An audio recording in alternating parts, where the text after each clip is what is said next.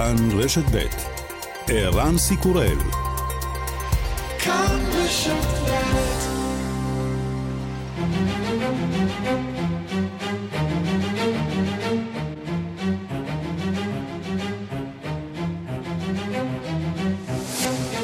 השעה הבינלאומית 22 בינואר 2024 והיום בעולם. שר החוץ ישראל כץ מגיע לביקור ראשון באיחוד האירופי לפגישה עם כל שרי החוץ של המדינות החברות בנוכחות שר החוץ הפלסטיני ובפיו מסר מרכזי אחד. To here to meet my colleagues, the foreign minister for uh, the EU, and to discuss with them, first of all, to bring back our hostages, including this. השיבו את החטופים, הוא אומר, כשהוא נושא את תמונתו של כפיר ביבס מול מצלמות העיתונות. שר החוץ האירופי ג'וזף בורל מכין לשר החוץ הישראלי מסר משלו, היום הוא תוקף בחריפות את ישראל. Which are the other solutions they have in mind? To make all the Palestinians live? To kill of them? But the peace and stability cannot be built only by military means, and not in this particular way of using military means. מה הפתרון שיש להם בראש? לגרום לכל הפלסטינים לעזוב? להרוג אותם? אי אפשר לבנות שלום ויציבות רק באמצעים צבאיים. ערב הבחירות המקדימות בניו-המשיר, מושל פלורידה רון דה סנטיס מודיע על פרישה מהמרוץ לנשיאות. If there was anything I could do to produce a favorable outcome, more campaign stops, more interviews, I would do it. But we don't have a clear path to victory. Accordingly, I am today suspending my campaign. אם היה משהו שהייתי יכול לעשות כדי להביא לתוצאה טובה יותר, או תחנות במסע הבחירות, עוד רעיונות, הייתי עושה זאת. אבל אין לנו דרך ברורה לניצחון, ומשום כך אני משעה את מסע הבחירות. נשיא ארצות הברית לשעבר דונלד טראמפ מברך. I'd like to take time to congratulate Ron DeSantis, a really terrific person. But as you know, he left the campaign trail today at 3 p.m. and in so doing he was very gracious and he endorsed me, so I appreciate it. אני רוצה לברך את רון דה סנטיס, איש נהדר ממש, שפרש מהמרוץ והביע בי תמיכה. אני מעריך את זה. אחרונה במרוץ, השגרירה לאו"ם לשעבר, ניקי היילי. באיודיה שבהודו נחנך הבוקר מקדש חדש לאל רם במעמד ראש הממשלה נרנדרה מודי. המקדש יושב על שטחו של מסגד, שעד שנת 92 ישב על שטחו של מקדש הינדואי אחר. העימות אז בין שתי הדתות הסתיים באלפיים הרוגים, אך לדידו של ראש הממשלה מודי, זהו שחר של יום חדש. हमारे राम आ गए सदियों की प्रतीक्षा के बाद हमारे राम आ गए हैं सदियों का अभूतपूर्व धैर्य अनगिनत बलिदान רם שלנו הגיע, אחרי עשורים של המתנה, רם הגיע. עשורים של סבלנות חסרת תקדים, הקרבה ותחינות, האל רם הגיע. מתנגדי מודי טוענים מדובר בהצגה פוליטית, ניסיון לפנות לקהל הדתי לפני הבחירות. וגם...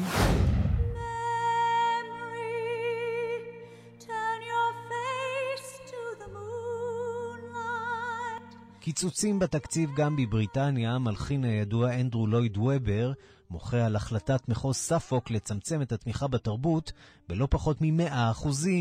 מדובר רק בחצי מיליון לירות סטרלינג, אך בעולם התרבות חוששים שאחרי ההחלטה של ספוק יצטרפו גם מחוזות אחרים ויקצצו בתקציב התרבות הבריטי.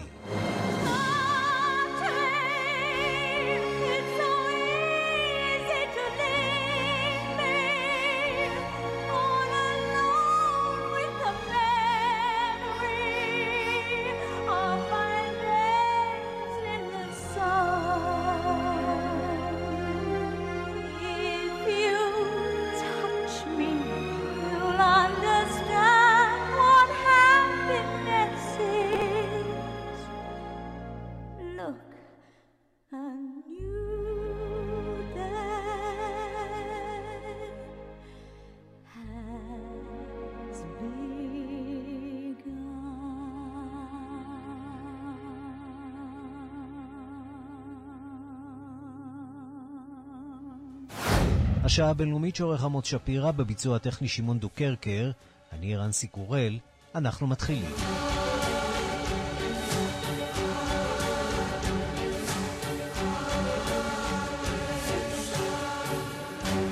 שלום רב לכם ושלום לחיים זקן שנמצא כאן מעבר לזכוכית. אנחנו פותחים עם ידיעה אחת שמגיעה מגרמניה. אזרחים ישראלים שמתגוררים בגרמניה, מי שהיגרו לשם או עברו לשם זמן קצר אה, לאחר המלחמה, יוכלו להישאר במדינה עד 26 באפריל, ללא צורך בבקשת אה, אישור שהייה או הערכה לשהייתם אה, ללא ויזה. זאת בעקבות המתקפה של חמאס, כך מדווח לפני שעה קלה משרד הפנים הגרמני. בדרך כלל אזרחים ישראלים, כמו במדינות אחרות באיחוד האירופי, יכולים לשהות 90 יום ללא ויזה, אבל עכשיו הגרמנים מעריכים את uh, שהותם של ישראלים במדינה, בעיקר כאלה שהגיעו לשם לפני כשלושה חודשים ועדיין רוצים להישאר שם, בעוד שלושה חודשים, הכי קרוב לפליטים כנראה שהיו uh, ישראלים או יהודים מאז uh, מלחמת העולם השנייה. אנחנו פותחים באירופה. שר החוץ ישראל כץ נמצא היום בבריסל למפגש חודשי של שרי החוץ האירופיים. לשם הוזמנו גם שרי חוץ ערבים. אבל לא צפויה פגישה בינם לבין אה, כץ. שלום לכתבתנו רינה בסיסט בבריסל. שלום ערן. אז אמ, דברים קשים, אומר היום אמ, שר החוץ של האיחוד האירופי, ג'וזף בורל, למעשה תוקף את ישראל בחריפות. כן, צריך להגיד שהביקור הקצר אה, של השר אה, כץ אה, בבריסל הוא בהחלט לא ביקור פשוט. הממונה על מדיניות החוץ של האיחוד האירופי, ז'וזף בורל, כפי שאמרת, ערן, נתן את הטון, מבחינתו לפחות כבר הבוקר, עוד לפני תחילת המפגש ביניהם, ונשמע אולי מה היה לבורל להגיד בדיוק על ישראל. We have to discuss, even if they don't disagree, even if they disagree, they have to come here and they will discuss with us and we'll study which other solution they have in mind. To make all the Palestinians live, to kill of them, 25,000 already in Gaza. 70% are women and children. Certainly, the way you're trying to destroy Hamas is not the way they are doing, because they are seeding the hate for generations. We have in mind what Hamas is, what Hamas has done. And certainly we reject and we condemn. But the peace and the stability cannot be built only by military means, and not in this particular way of using military means. כן, בורל אומר, מהם הפתרונות שהם חושבים, לגרום, חושבים אנחנו, כמובן ישראל, לגרום לכל הפלסטינים לעזוב, להרוג אותם. 20 אלף כבר נהרגו בעזה, הוא אומר, 70 אחוז הם נשים וילדים. אין ספק שהדרך להשמיד את חמאס אינה כפי שהם עושים, כי הם זורעים את השנאה לדורות, כך בורל, אה, שמוסיף, שלום ויציבות לא יכולים אה, להיבנות באמצעים אה, צבאיים. דברים כמובן קשים מאוד. גישה מאוד חד צדדית גישה... של בורל, כן.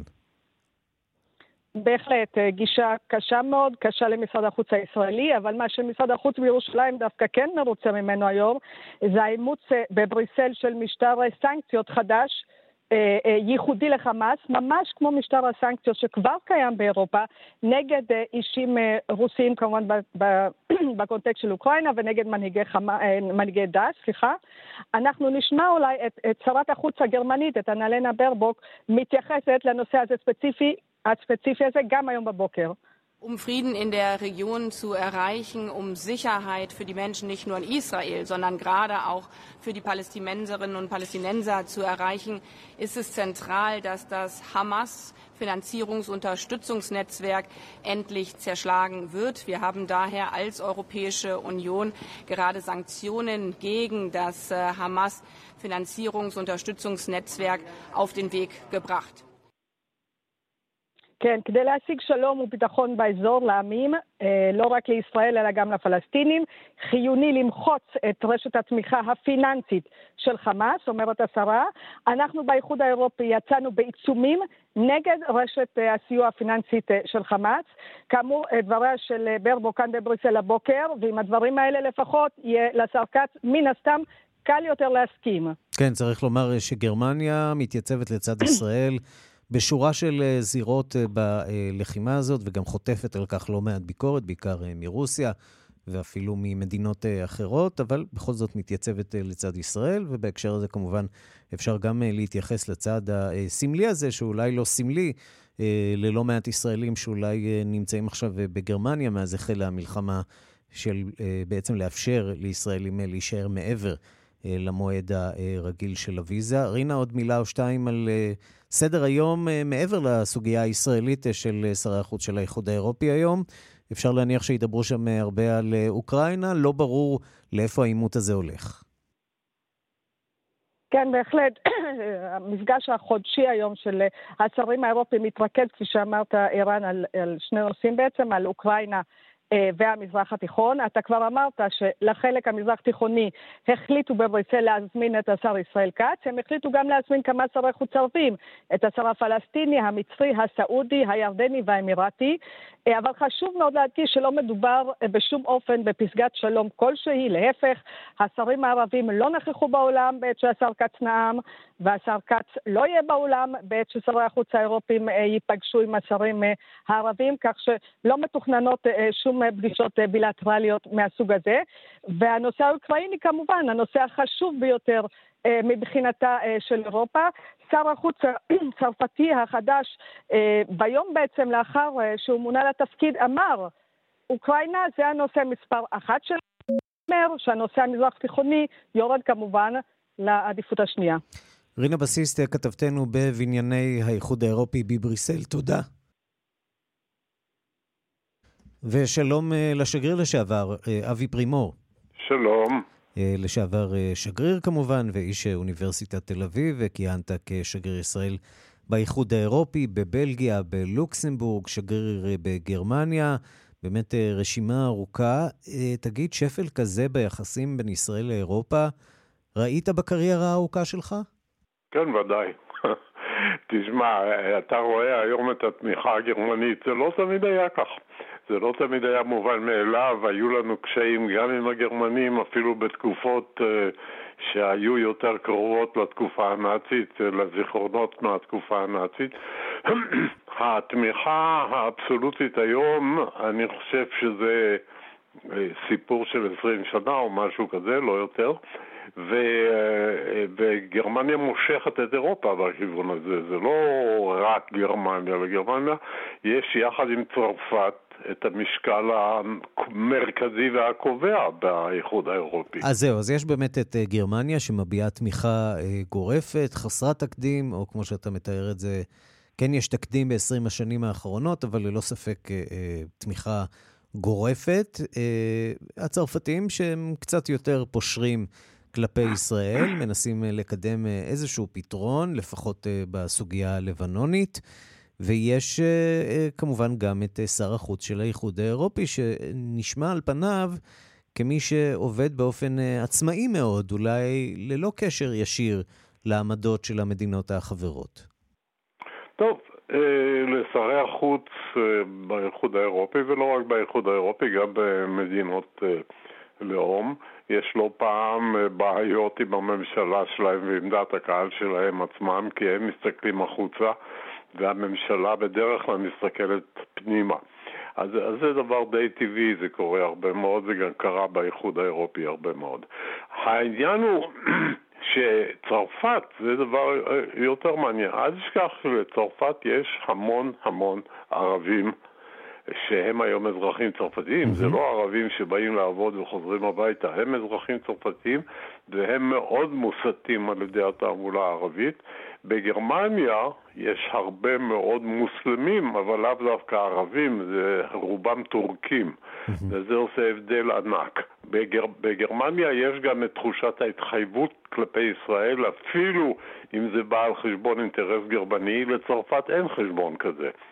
אבל אה, בסך הכל אני חושב ש... למרות שאולי צריך להיות לה בהתחשב אה, בשלטון וישי, אבל זה כבר אולי דיון אחר. נו טוב, בין שלטון וישי לבין שלטון היטלר יש הבדל תהומי. וישי היה אה, שלטון באונס ותחת כיבוש גרמני, והיטלר היה היטלר לא תחת אף אחד. ובכלל יחיה הבדל בהרבה תחומים אחרים. Mm-hmm. בכל מקרה, הצרפתים עשו את חשבון הנפש שלהם עם וישי בצורה די יסודית. לא מיד, זה לקח זמן. כן. אבל הם עשו את זה בסופו של דבר בצורה מאוד יסודית, ואי אפשר להשוות מבחינה זו. עכשיו, מדינות פועלות בדרך כלל לפי אינטרסים. Mm-hmm. גרמניה במקרה של ישראל היא קצת יוצאת דופן. ברור שגם היא דואגת לאינטרסים שלה, אבל אצלה החשבון ההיסטורי משחק תפקיד חשוב גם בדעת הקהל, אפילו היום שדעת הקהל לא מסכימה עם ישראל.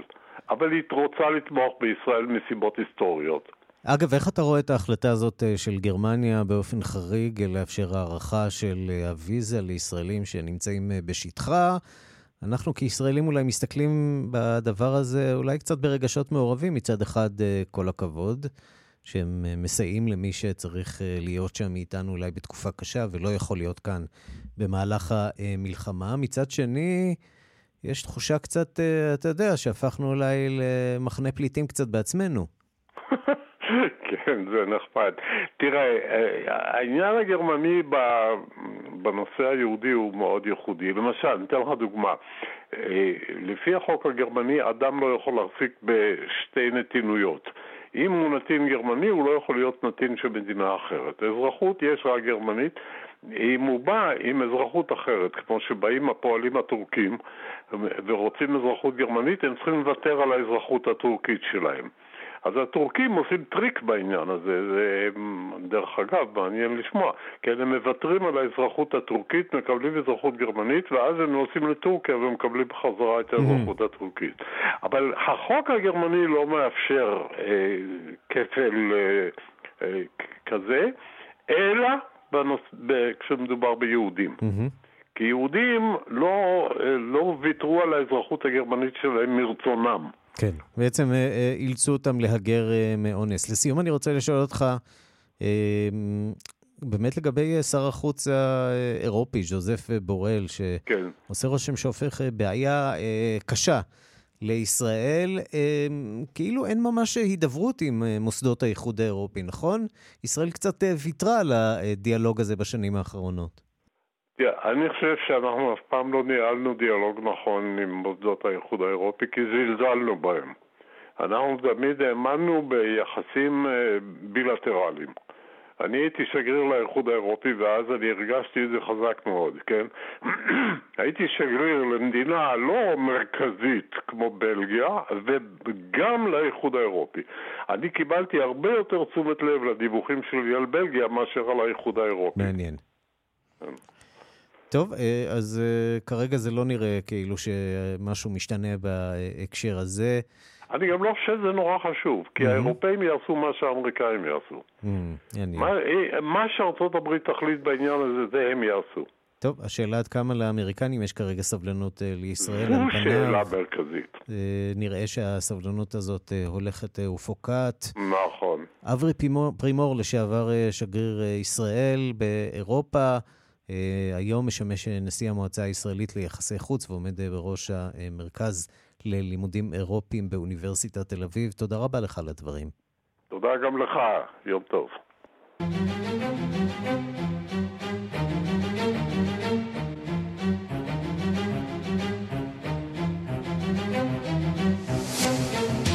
אנחנו לאמריקה, מושל פלורידה רון דה סנטיס פורש מהמרוץ לנשיאות, ממש שנייה לפני ההתרסקות בפריימריז בניו-המפשר. סנטיס מודיע שהוא מקבל את דין הבוחר ומתייצב לימינו של טראמפ. עם הפרטים כתבנו אסף זלינגר. רון דה סנטיס היה אמור להיות האנטי-טראמפ, אותה משנה פחות או יותר, אותו שיזוף פלורידיאני, אבל בלי בתי המשפט, העלמות המיסים והאשמות בניסיון המרדה. אבל אתמול לאחר קמפיין מגומגם, התקפל דה סנטיס, פרש, ונאנץ לבלוע את הצפרדע שעשתה לו את המוות בשנה האחרונה. If there was anything I could do to produce a favorable outcome, more campaign stops, more interviews, I would do it. Accordingly, I am today suspending my campaign. I'm proud to have delivered on 100% of my promises, and I will not stop now. It's clear to me that a majority of Republican primary voters want to give Donald Trump another chance. נתנו את הנשמה, אמר דה סנטיס, בסרטון הפרישה שהעלה אמש. אם הייתה עוד מסיבת עיתונאים או אירוע שהיו הופכים את התוצאה, היינו נלחמים. התחייבתי שאתמוך במועמד המועדף על ציבור הבוחרים, ואני עושה זאת היום. אנחנו לא יכולים לחזור לימי המפלגה הישנים של ניקי היילי, ולכן אני משוכנע שדונלד טראמפ הוא היחיד שיכול להביס את ג'ו ביידן. מחר ייפתחו הקלפיות בפריימריז של ניו-המפשר, שבהן היה צפוי דה סנטיס לזכות ב-6% מהקולות, לעומת 36% של היילי, ומחצית מהקולות שילכו לטראמפ. הפרישה חסכה ממנו את ההשפלה, והקטינה את הבמה הצפופה לשני מתמודדים בלבד. 14 people in this race. There were a lot of fellas. All the fellas are out, uh-huh. except for this one. And this comes down to what do you want? But for now, I'll leave you with this. May the best woman win. נשארנו בחור אחד וגברת אחת, שהטובה מבינינו תנצח, שנתה אתמול היילי בטראמפ, באירוע פריימריז בניו-המפשר, והנשיא מצידו הסתפק בתודה לדה סנטיס, שיצא ג'נטלמן ותמך בי, כל כינויי העבר ושמות הגנאי מבוטלים החל מעכשיו, הודיע טראמפ. היום אמור הנשיא לשעבר טראמפ להתייצב בבית המשפט בניו יורק, להעיד בתביעת דיבה נגדו שהגישה העיתונאית אי. ג'ין קרול, שזכתה בעבר בפסיקה שהנשיא לשעבר הטריד אותה מינית. משם הוא ישוב לניו-המפשר, כפי הנראה למסיבת ניצחון, ולהמשך הפריימריז. מבוסטון, אסף זלינגר. אנחנו לרוסיה. בשנתיים האחרונות רוסיה היא מדינה במלחמה והיא משלמת מחיר כבד על ההחלטה של פוטין לפלוש לאוקראינה. אבל בסוף השבוע עקבה הפדרציה הרוסית בחרדה אחר גורלו של חתול שהסתבך עם דיילת ברכבת. שלום לאלכס נילבורג, כאן חדשות בדיגיטל, אתה עם הפרטים על הסיפור המוזר הזה. כן, שלום ערן. בשנים האחרונות, מטבע הדברים, יש מעט מאוד רגעים אנושיים שמצליחים להשתלט על רוסיה. כמו שציינת, ככה זה כששליט המדינה כופה סדר יום צבאי ומנסה לכבוש מדינה הם שלמה. הם גם לא אנשים שמתרגשים אבל... בקלות רבה מדי, נכון? תקן אותי אם אה, אני טועה. לא, אבל בסוף בהחלט כן. אתה צודק, זאת, זאת לא דעה קדומה, אנשים ברוסיה מאוד שומרים על עצמם, מביעים רגשות לעיתים נדירות, אבל בסוף השבוע אה, קרה משהו, ובניגוד לאופי הרוסי, באופן חריג ביותר, עניין אנושי שלא קשור למלחמה או עניינים שברומו של עולם, איחד עשרות מיליונים. אנחנו מדברים על גורלו של חתול אחד בשם טוויקס. ובכן, ערן, מעשה שהיה ככה היה. החתול עלה עם בעליו בשבוע שעבר לרכבת בדרך מעיר שדה אחת לשנייה. בשלב מסוים הוא ברח מהבעלים, והדיילת ברכבת, אוי. שהיא האישה הרעה בסיפור הזה אם תרצה, החליטה להשליך את טוויקס החוצה לקור של מינוס 30 מעלות. וזה זה למרות שלטוויקס היה כרטיס. כלומר, היא החליטה שטוויקס הוא, הוא נוסע מיותר ברכבת, והיא הראתה לו את הדרך החוצה. תוך שעות החל טירוף של ממש. אלפים הצטרפו לחיפושים אחר החתול, שנמשכו כמה ימים, וכשמיליונים עוקבים אחרי החיפושים הללו ברשת האינטרנט. לצערנו הסוף לא, לא היה טוב בסיפור הזה, טוויקס נמצא מת כעבור ימים סמוך לפסי הרכבת, שאחת ההערכות היא שהוא נטרף על ידי כלבים משוטטים. הנה אישה שהשתתפה בחיפושים כשהיא ממררת בבכי. מיד נשמע אותה. אוקיי, אנחנו שומעים פה את... אנחנו שומעים, אנחנו רוצים לשמוע את האישה שמתלוננת על החתול. האישה שמתלוננת, בהחלט. הנה, אוקיי. הנה זה בא. מיד. потому что 17 числа в 9 вечера еще вот здесь этого поддона видели, говорит, он выскочил. אומרת האישה, היה חסר לנו יום, אולי חצי יום, אנשים ראו אותו כשהוא קופץ מהרכבת. וערן, זו כבר דוברת חברת הרכבות הלאומית של רוסיה, שהיא מתרצת את המעשה של הדיילת. Проводник предположил, что кот случайно забежал в вагон во время стоянки на станции и приняла решение выпустить его. Хозяин кота обратился к проводнику лишь спустя 10 часов после отправления со станции Киров. אומרת הדוברת בנימה אפולוגטית, הדיילת העריכה שהחתול נכנס לרכבת במקרה בזמן עצירה בתחנת ביניים והחליטה לשחרר אותו, או אם תרצה לזרוק אותו לקור כלבים. Mm. מוסיפה הדוברת, בעלי החתול פנה לדיילים רק עשר שעות לאחרי שהחתול שוחרר לדרכו. אתה חושב שהטירוף הסתיים כאן? אה, כמובן. ממש לא, ממש לא, ממש לא. עכשיו רצה ברשת הרוסית עצומה שצברה כבר כשלוש מאות אלף חתימות לפטר מיידית את הדיילת. במקביל עולה הדרישה מצד ארגוני בעלי החיים להקים פסל לחתול, וממש עדכון מהרגעים האלו, הפרקליטות תבחן האם במעשה הדיילת יש עניין פלילי. ערן, אנחנו ממשיכים, לה, מבטיחים לעקוב בעניין. אלכס נירנבורג, כאן חדשות בדיגיטל, אתה עוד תהיה איתנו עם סיפור מעט רציני וחשוב הרבה יותר. תודה רבה לך. תודה.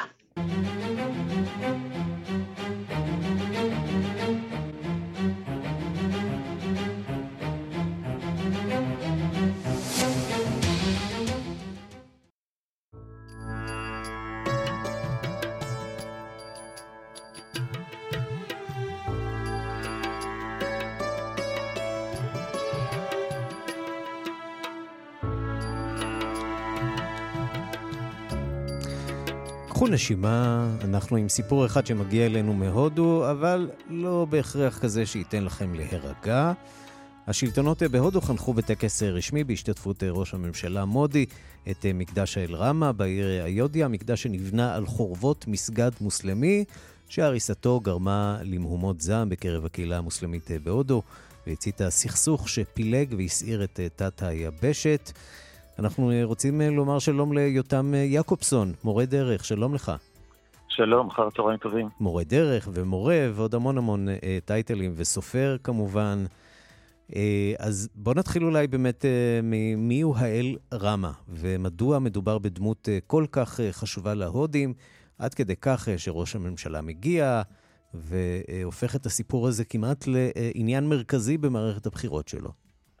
כן, אז האל רמה הוא אחד אה, מיני אלים רבים, אבל יש לו באמת אה, תפקיד אה, מרכזי בהיותו התגלמות אלוהית באדם. הוא עצמו יורד מן השמיים, לובש דמות אנוש, ומנהל על פני האדמה מסכת חיים שנתפסת כאידילית מכל בחינה. Mm-hmm.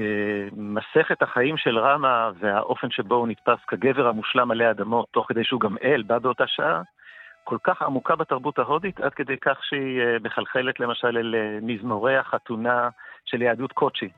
כשהיהודים הקוצ'ינים אה, שרים שירי הלל לחתן, הם משתמשים באותן מטבעות לשון ובאותן רובריקות לשוניות שמתייחסות אל האל רמה. אגב, זאת לא הקהילה היחידה שמאוהבת באל רמה, אפילו קהילת הטרנסג'נדרים בהודו, ראינו אותם חוגגים לרגל אה, הקמת המקדש הזה. לנו זה נשמע קצת מוזר, אה, בכל זאת מדובר בחג שהוא אה, דתי. נכון. קודם כל, בחגיגות דתיות בהודו אין שום דבר יוצא דופן. מה שיוצא דופן זה מי שמגדיר את עצמו כחילוני, וכשמפשפשים מגלים שהחילוניות שלו היא לא לגמרי חילונית. האל רמה הוא אל חשוב לכל הדעות. האל רמה הוא אל שצובר התייחסות אה, תיאטרלית, אה, תרבותית, אומנותית, אה, ציורית ופיסולית לאורך השנים. האפוס של סיפורו, הרמיאנה, הוא אחד האפוסים המוכרים ביותר בהודו, המומחזים ביותר בעולם. סדרת הטלוויזיה שנעשתה על בסיס האפוס הזה היא סדרת הטלוויזיה הנצפית ביותר בעולם. מי שרכש זכויות שידור לתוכנית הזאת או לסדרה הזאת מחדש בזמן הקורונה, העצים את אה, הצפיות היומיות בערוץ שלו ב-600 מיליון. במילים אחרות אה, מדובר כן. כאן אה, בדמות שהיא סלבריטי של ממש באוכלוסייה ההינדואית שם. בהודו וברחבי העולם. אחד האלים המרכזיים והאהובים ביותר. בוא נדבר על הקשר המסורת... שלו באמת לעיר איודיה, ואיך, בתקווה שאני אומר את זה נכון, איודיה. כן. איך הוא קשור לעיר הזאת, ולמה דווקא שם אה, רצו להקים את המקדש לזכרו. כן, אז על פי המסורת ועל פי האפוס הכתוב, אה, רמה מתגלם אה, בדמות של נסיך יורש עצר בעיר, ממלכה שנקראת איודיה, בתרגום מסנסקריט הבלתי מנוצחת. לא ברור בכלל אם יש קשר ישיר בין איודיה, אותה עיירה שכוחת אל שמתפרסמת רק בגין הסכסוך הזה, אה, לבין איודיה השמימית של רמה, על כך אה, מקובל אה, בעת המודרנית. לא ברור עד כמה השורשים של, של האמונה הזאת קדומים, גם לא ברור עד כמה השם הזה עצמו הוא קדום. אבל מה שאנחנו יודעים בצורה ודאית זה שבמאה ה-16 מוקם שם מסגד מאוד גדול עבור אחד השליטים המוגולים, זה נקרא על שמו, מסגד בברי, על שמו של בבור, השליט המוגולי. אה, כאשר תקן אותי אם אני טועה, אה, במסגד הזה בעצם אה, בעבר, על פי, על פי האגדה, על פי הטענה, עוד קודם לכן שכן מקדש. לרמה. נכון, נכון. רוב המסגדים, במיוחד בתקופה הזו, מוקמים על בסיס אה, מקדשים הינדואים, ג'יינים או בודהיסטים.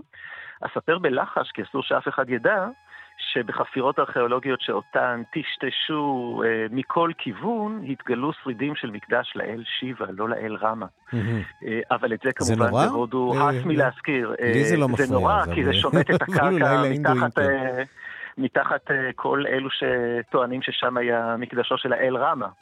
אה, ולכן את הדוח הארכיאולוגי הזה הצניעו. אני זכיתי לראות חלקים ממנו סביב המגעים שלי עם רשות העתיקות ההודית. אה, אבל בהודו כמובן אה, הס מלהזכיר את העניין הזה. כך או אחרת, מה שמעניין מאוד לציין זה שלמרות שמדובר במסגד מונותאיסטי, אה, אלוהות שלא מתגלמת בחומר, מופשטת לחלוטין, בחצר אותו מסגד במשך תקופה מאוד ארוכה שכנו הצלמים של רמה ושל אשתו, האישה המופלאה האוטופית ציטה. והינדואים נהגו לבוא ולפקוד אותם mm-hmm. ולהתפלל להם, לפי חלק מהגרסאות, אפילו במקביל למועדי התפילה המוסלמית. אז בואו נדבר באמת כל... על ה... אה, אה, כל זה טוב ויפה כמובן, אה, זה רק מעיד באמת על הסובלנות הדתית בהודו לאורך הדורות. אבל בשנת 92 קורה משהו עם המסגד הזה, נכון? נכון, נכון. למעשה קורה כבר ב-91.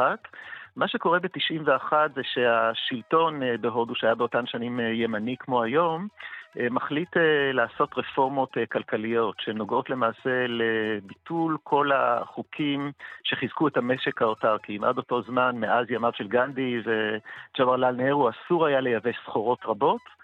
פתאום הרסן מותר ואפשר לייבא כל מה שרוצים. זה כמובן מקדם ומעשיר אילי הון שונים. זה אה, מרסק כלכלית אה, מאות אלפי בתי אב של, של פועלים, של איכרים וכן הלאה. ובמקביל מעלה השלטון את הטענה, מה אתם מצפים? אתם לא גאלתם את זכרו של האל רמה, אתם לא טיהרתם את מקום מקדשו שהפך למסגד שמחלל את כבודו, ולכן אל תצפו לברכת האל. מה הפלא שפרנסתכם עובדת כשזה המצב? Uh, ואז ישנם כמה גלים שמלכתחילה עוד נהדפים על ידי השלטון באיזושהי צורה, הם כנראה גם לא היו מגובשים דיים. אבל uh, ב-6 לדצמבר 1992, לאחר התאספות ממושכת שלא נעצרת על ידי השלטון, uh, המון זועם עולה על המסגד ופשוט בפטישים ומקושים וציפורניים מרסק אותו. מרסק אותו ולא לא חודל בזה, אלא מצית גל של פרעות כנגד מוסלמים בכל רחבי צפון הודו. זה נשמע כמעט הסיוט הגרוע ביותר שעיר קדושה כמו ירושלים שאנחנו נמצאים בה, נכון, עלולה נכון. לעמוד בפניו אה, עימות בין דתי שגורם בסופו של דבר למותם של אלפים, נכון? בסכסוך הזה ב-92. המספר, המספרים הרשמיים קטנים יותר, אבל מי מתייחס לרשמיים, כן? כלומר, מדובר באמת על אה, מוות של אלפים. אה, בסוגריים אציין שזאת בעצם סצנת הפתיחה של נער החידות מבומביי, אותו סרט מפורסם שגם mm-hmm. זכה באוסקר. אה, רואים שם פרעות, תמיד בטוחים שזה המוסלמים אה, פורעים אה, בהינדואים, אבל גיבורי הסרט הם מוסלמים, והם אלו שמותקפים מלכתחילה. זה מה שקורה ב-92, הפרעות האלה לא פוסחות על אחת הערים הכי טולרנטיות בהודו, ובעצם המסגד הזה נחרב, נכון. ומתי נכון. מחליטים להקים תחתיו מקדש? כן. נזכיר שהודו היא ביתם של הרבה מאוד מוסלמים, זה לא שהם לא נמצאים שם במשחק אה, לאורך נכון. הזמן. נכון, המדינה המוסלמית השלישית בגודלה בעולם, אם סופרים את, את ה, לא את האחוז באוכלוסייה, אלא את המספר המוחלט שלהם, כמעט 200 מיליון. אמ, למעשה, אמ, מרגע שהמסגד אה, מוחרב, אלמנטים קיצוניים ימניים מדברים על הקמת המקדש מחדש, יש תרומות רבות שניתנות לכך, יש עבודה אה, בשטח, מקימים מודלים, מכינים את כל האבנים המסוטטות והמגולפות, עולים אליהן לרגל ומייחלים להצבתן במקומן. ובשנת 2002 אה, מכריזים באמת שאבן הפינה תונח. אה, ולשם כך מגיעים אה, רבבות, אה, לא יודע, מיליונים מכל רחבי המדינה כדי להשתתף בטקס. הממשלה בסופו של דבר, שאז זאת מפלגת הקונגרס, עוצרת את המהלך הזה, mm-hmm. אבל כשהמונים חוזרים לבתיהם מתוסכלים ברכבות, באוטובוסים וכן הלאה, מתחולל איזשהו אסון. ב-27 לפברואר 2002 מישהו מושך בבלם החירום של רכבת עמוסה בצליינים. שעושה את דרכה בחזרה אל גוג'ראט, מיד מושלכים בקבוקי תבערה, במקום נשרפים למוות כ-78 אנשים. מתחיל כאן באמת אנשים, עוד, עוד אסון ועימות דתי. ומתחיל עוד גל של שפיכות דמים. שהפעם מודי מעורב בו, כיוון שהוא זה שראש, שעומד נכון. בראש ממשלת גוג'ראט, אבל אם נכון, נזדרז ככה לקראת, לקראת סיום, מה מביא את מודי אה, בעצם אה, לנסות אה, להציב את עצמו בראש התנועה הזאת, בראש הקמפיין אה, להחזרת המקדש הזה, הקמת המקדש הזה על חורבות אה, מסגד, והאם כן. יש חשש שהדברים אה, שוב יצאו משליטה, או שיש איזושהי היערכות מוקדמת אחרת? כן, אז, אה, אז החשש הגדול היה סביב אה, אה פולמוס משפטי שנמשך הרבה מאוד שנים. אה, שהוכרע ב-9 בנובמבר 2019, אה, כשבעצם אה, בית המשפט העליון פסק שהוואקף המוסלמי יקבל שטח חליפי באיוטיה להקמת מסגד גדול, ועל בסיס השטח שעליו היה המסגד יוקם מחדש מקדש רמה.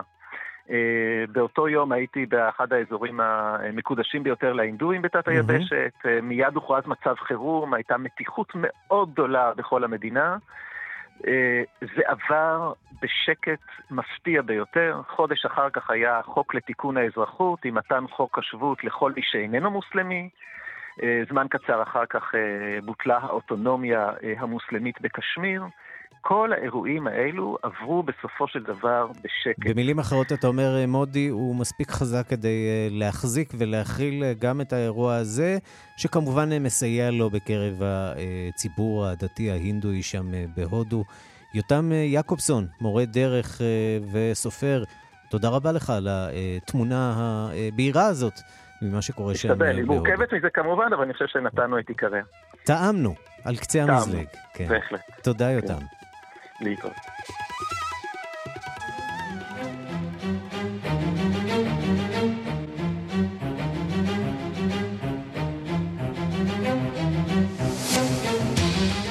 אנחנו לסדרה של אה, מעשי רצח אה, מפתיעים בעיר מדעין שבקולומביה, ואנחנו רוצים לומר שלום לעמית אה, ולדמן, עורך העולם היום, שלום לך. שלום, ערן. אז מה נסיבות הרציחות האלה? כן, זו סדרה של מקרי מוות מסתוריים של גברים אמריקנים בקולומביה בחודשים האחרונים, שכולם קשורות לאפליקציית היכרויות. אז בשבוע האחרון בני משפחה, בני משפחתו של טו ג'ר קישיונג, הוא קומיקאי ממינסוטה בן 51, והוא הקורבן האחרון ששמו הוזכר בנושא של המקרים המסתוריים האלה. אה, אני אספר כך, לפני הנסיעה האחרונה שלו בחודש שעבר, אה, ג'ר יצר קשר ראשוני באפליקציית היכרויות, בטינדר. אה, הוא יצר קשר עם אישה בעיר מדיין, זו העיר השנייה בגודלה בקולומביה. בעיקר מוכרת בזכות העבר האפל שלה. אותו אה, טוג'ר יצר קשר עם אישה, הגיע לקולומביה. אה, בשיחת טלפון ראשונה לאחיו הוא מספר על החמימות של קולומביה, על האנשים השמחים, אמ-המ. על החיים הטובים. בשיחת הטלפון השנייה הוא כבר ביקש 2,000 דולר, uh, כדי שיוכלו לשחרר אותו, למען 2,000 דולר כופר, uh, שחרור מ... פושעים, רוצחים, חברי כנופיה שתפסו אותו, אחרי שהוא יצר קשר עם אותה אישה. בעצם מש... אה, אנחנו מדברים על סוג של דייט מזויף, נכון? זה לא דייט אמיתי, הם מגיעים לשם אה, למפגש ובעצם נחטפים שם. זה נכון, הם מגיעים, הם יוצרים איזשהו קשר מראש, אה, לפי, לפי הפרסומים, כן? וברגע שהם מגיעים למדעין, או לערים בסביבה, כנראה מסממים אותם, לוקחים אותם למקומות מבודדים בלב הג'ונגלים, ושם, על פי התיאורים, די גרפיים שאנחנו מקבלים מהתקשורת בקולומביה או בארצות הברית, הם אה, מוצאים את מותם אחרי שלוקחים כסף גם מהם וגם אה, בני משפחה אמריקנים. מדובר על לפחות שמונה מקרים, למרות שעל פי הדיווחים כנראה יש עוד יותר, פשוט אנשים לא ממהרים להתלונן על פרשות אה, שכאלה. עכשיו... מה עלה צריך... בגורלו של אותו אה, בחור שהזכרת ממינסוטה, שהגיע לביקור אה, בקולומביה? טוג'ר, אה. גופתו נמצאה באזור אה, מבודד בלב יער. האח שיצא לחפש אותו, והוא זה שבעצם מרים את כל הצעקה, אומר שיש איזה מין ניגוד מוזר בין המקום היפהפה, הג'ונגלים המקסימים שנמצאים ליד מדעין, והמוות האכזרי. ובגלל הצעקה הזאת בעצם מגיעים גם כל שאר הפרסומים. עכשיו, ערן, צריך להגיד, אה, העיר מדעין, שהיא עיר השנייה בגודלה בקולומביה, סובלת או סבלה בעבר בשנות ה-80 נחת זרועו של אסקובר, של אותו אלה סמים. זאת העיר, עיר הבירה בעצם של קרטלי הסמים בקולומביה. ממש ככה. היום אנחנו מדברים במיוחד על ההיפופוטמים שאסקובר השאיר מאחוריו, אבל העיר אה, ניסתה לשפר מאוד את התדמית שלה. הרבה מאוד אנשים הגיעו כדי לראות את אותם היפופוטמים שהשאיר אחריו אסקובר, תיירות אה, נרקו, אם אתה רוצה, mm-hmm. בדרך כזו או אחרת, אבל... Um, העיר שיפרה את המעמד שלה, מקרי הרציחות ירדו בלמעלה מ-90 אחוזים. Um, uh, אנחנו בקושי שומעים כבר על uh, מקרי פשע שם, והנה עכשיו, אולי בגלל השלטון החדש בקולומביה, uh, שאנחנו מדברים עליו לא מעט בקשר הישראלי, או בהקשר הישראלי. שלטון שמאל נזכיר, מאוד עוין לישראל, וכנראה גם לא כל כך טוב בהתמודדות מול הפשיעה. בדיוק, אז אנחנו גם שומעים על יותר ויותר מקרים, על עוד פעם מקרי פשיעה שכאלה ב... אה, במדעין, אה, וזה מאוד מטריד, השגרירות האמריקנית כל כך מודאגת שהיא הוציאה אזהרה לתיירים האמריקנים, שלא להיכנס, לא להגיע לפגישות שנקבעות באפליקציות ההיכרויות, בדיוק מהסכנה שזה מדובר כאן בעוקץ, עוקץ קטלני. טוב, אז שימו לב, אם יש לכם תוכניות להגיע לקולומביה ואתם אה, רוצים להכיר אנשים באמצעות יישומוני היכרויות, קחו בחשבון שיכול להיות שמדובר בכנופיה שרוצה אה, לחטוף אתכם. זה עשוי להיגמר אה, רע מאוד. עמית ולדמן, עורך אה, העולם היום בכאן 11. תודה רבה לך. תודה, ערן.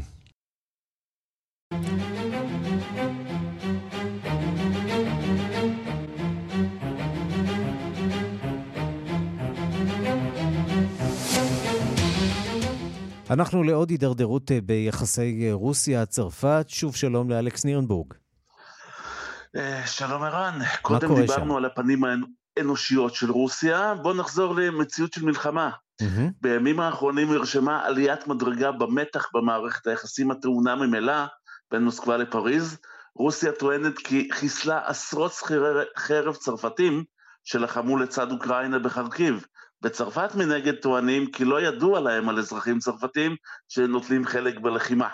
דיברנו לא פעם על העולם המקביל שמייצר את הטלוויזיה הרוסית, כך זה נשמע, פסקני ומרושע בשידורי הערוץ הממלכתי הראשון של רוסיה. С российским высокоточным оружием на неделе познакомились наемники из Франции. Искандер прилетел в Харьковскую гостиницу, которую приспособили под казармы. Результат – минус 60 боевиков, ранены еще не менее 20. ובכן, מקריינת יקטרינה אנדרייבה, הגרסה הרוסית לקריינית בוורוד הצפון קוריאנית, ואומרת, שכירי חרב מצרפת הכירו השבוע מקרוב את הנשק הרוסי המגה מדויק. טיל מסוג אסקנדר נחת במלון בחרקיב, שהוסב למגורי חיילים, התוצאה מינוס 60 שכירי חרב, ולפחות עוד 20 פצועים מקרבם. ערן, אני מקווה שהציניות עוברת בתרגום. כן, בהחלט. Uh, בתגובה לכך אומר שר החוץ הטרי של צרפת, סטפן סז'ורנה, אין לנו שכירי חרב בשום מקום, זו עוד מניפולציה רוסית.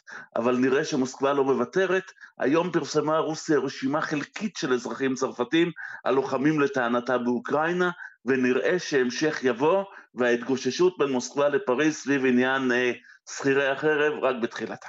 אלכס, ראינו היום את uh, מנהיגי האיחוד האירופי, שרי החוץ של האיחוד, uh, מכונסים uh, בבריסל. יש דריכות גוברת באיחוד האירופי ובמדינות ברית נאט"ו בתקופה האחרונה.